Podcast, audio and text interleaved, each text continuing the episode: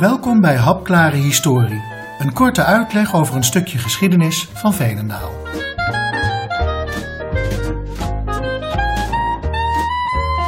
Deze lezing gaat over de architect Bernhard van Kreel.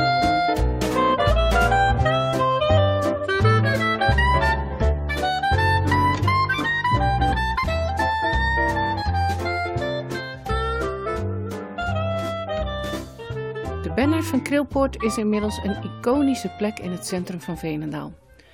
Veel Veenendalers en toeristen hebben in de afgelopen jaren wel een selfie gemaakt bij de schaapjes in de doorgang van de hoofdstraat naar het stadstrand. Maar waarom heet juist deze plek zo? En wie was Bernhard van Kreel? Hij wordt geboren op zaterdag 8 juli 1865 in Gelders-Veenendaal, als oudste zoon van de 20-jarige timmerman Rijk van Kreel en zijn 21-jarige vrouw Celia van Hardeveld. Na Bernardus, of Nart zoals hij genoemd werd, volgen er nog vier meisjes. Nart helpt zijn vader al vroeg als timmerman. Met een bouwdoos met echte steentjes heeft hij waarschijnlijk zijn eerste gebouwen ontworpen. Deze bouwdoos bestaat nog steeds en is tegenwoordig te vinden in Museum Veenendaal. Een van zijn eerste opdrachten in het dorp is de gereformeerde kerk bij de Vaartbrug. De kerk wordt na een scheuring in de hervormde kerk gebouwd in 1889. Nart van Kreel mag de kerk ontwerpen en bouwen en hij is dan pas 24 jaar oud. Tegenwoordig draagt deze kerk de naam Brugkerk. Een paar jaar later trouwt hij met Lydia van Harn en ze gaan wonen aan de Kerkenwijk in de buurt van Lydia's ouders. Zijn jongste zuster, Wijntje, trouwt in 1899 met aannemer Jurianus de Geit en de zwagers gaan dan veel samenwerken. Rond 1900 begint de groei van de industrie in Veenendaal. Nieuwe fabrieken verrijzen in hoog tempo en de fabrikanten willen graag grote villa's. En dat levert veel werk op voor de plaatselijke architecten. Zo ontwerpt Nart van Kreel in 1902 de directeurswoning van de firma Roesing. Deze firma is een paar jaar eerder naar Veenendaal gekomen en laat over het spoor een nieuwe fabriek bouwen. De fabriek is inmiddels al lang verdwenen, maar de directeurswoning op Kerkenwijk 113 en het vroegere kantoor op nummer 115 bestaan nog steeds. Nog zo'n industrieel ontwerp is de Hollandia-fabriek aan het Verlaat.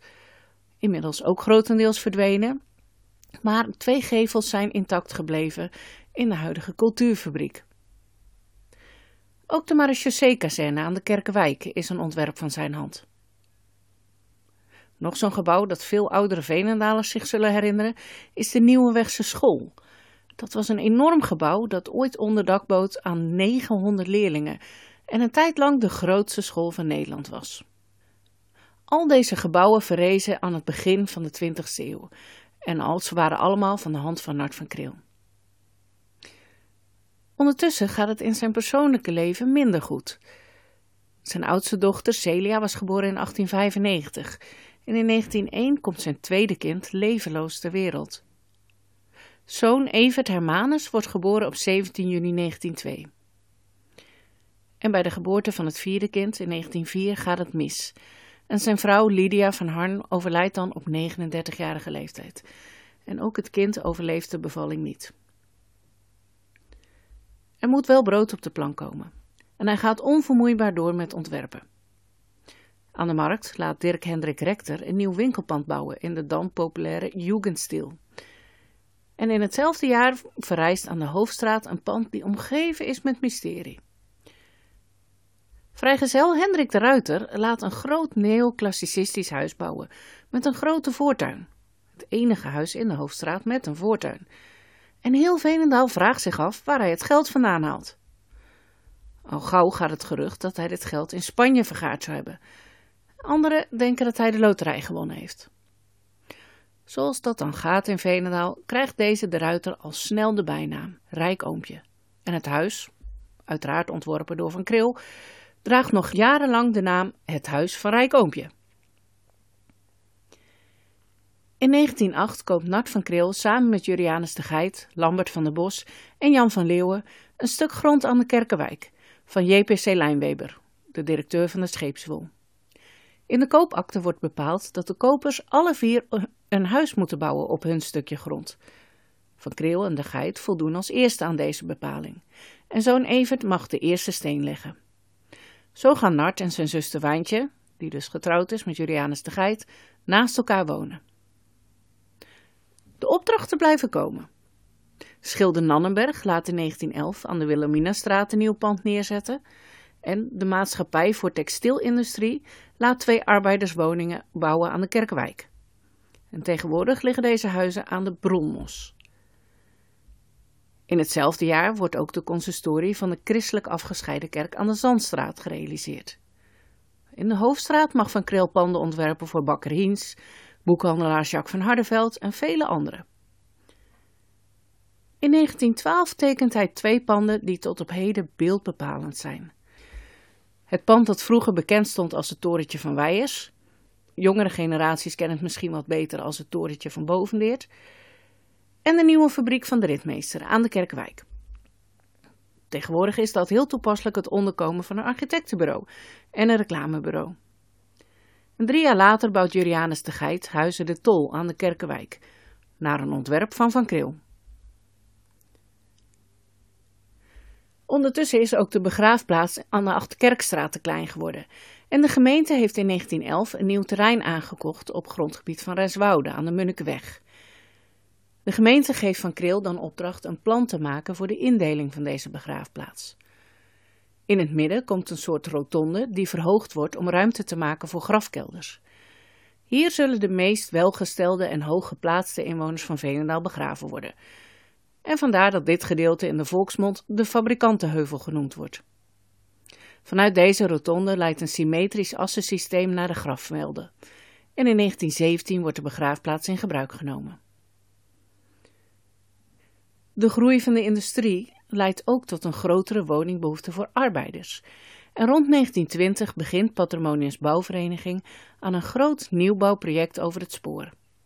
Een van de eerste grote uitbreidingen van Velendaal. De nieuwe straten dragen namen als Eugeniusstraat, Da Costaplein, Kuiperstraat en Talmaplein, naar bekende politici uit de 19e eeuw.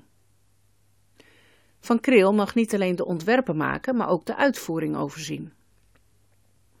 De eerste fase, de Talmastraat en het Talmaplein, worden opgeleverd in 1920. Nart van Kreel zal de definitieve oplevering echter niet meer meemaken. Hij overlijdt op 22 juni 1922 in Veenendaal op 56-jarige leeftijd. Zoon Evert zet samen met zijn oom Jurianus de Geit en neef Gerard het architectenbureau voort onder de naam De Erven B. van Kreel. Zo maakt het bureau de laatste ontwerpen voor het complex over het spoor. In de jaren 20 ontwerpt het bureau Villa Reposailleur, die gebouwd wordt op een stuk grond naast de huizen van Van der Bos, Van Leeuwen en Van Kreel en de Geit zelf, aan het omleidingskanaal. Aan de overkant van de Kerkenwijk, ook aan het omleidingskanaal, laat dominee Jongebreur de Villa Linquenda bouwen. En ook dit ontwerp is uiteraard van de RVB van Kreel. Aan het begin van de oorlog worden de huizen aan de Kerkenwijk en Kanaalweg in brand gestoken en opgeblazen om een vrij schootsveld voor het Nederlandse leger te maken. En bij de wederopbouw krijgen Evert en zijn oom veel opdrachten. Zo zijn de huizen op Kerkwijk 42 en 43 ontworpen door Evert. En ook zijn eigen huis op nummer 39 raakt aan het einde van de oorlog zwaar beschadigd. Hij maakt dan nieuwe ontwerpen voor zowel de buitenkant als de binnenkant. Lang kan hij er echter niet van genieten. Op 2 mei 1948 overlijdt hij op 45-jarige leeftijd. En zijn vrouw blijft dan achter met drie jonge kinderen. Veel panden die ontworpen zijn door Bernardus van Kreel zijn bewaard gebleven, vooral in de Hoofdstraat en de Kerkenwijk. Vanwege zijn invloed op het aanzicht van Veenendaal besloot het college van burgemeester en wethouders in april 2010 om de nieuwe doorsteek tussen de Hoofdstraat en de Tuinstraat naar hem te vernoemen. Deze doorsteek wordt gemarkeerd door een verbouwd gemeentelijk monument, het al eerder genoemde Huis van Rijk Oompje. De meningen zijn verdeeld over dit gemeentelijk monument. De een vindt het afschuwelijk en zonde van het oorspronkelijke huis. De ander vindt het juist geweldig dat het in ieder geval gedeeltelijk bewaard is gebleven. Het is in ieder geval opnieuw een blikvanger in het straatbeeld van Velendaal. En dat is dan wel weer toepasselijk dat juist dit bouwwerk de naam draagt van Bernardus van Kreel.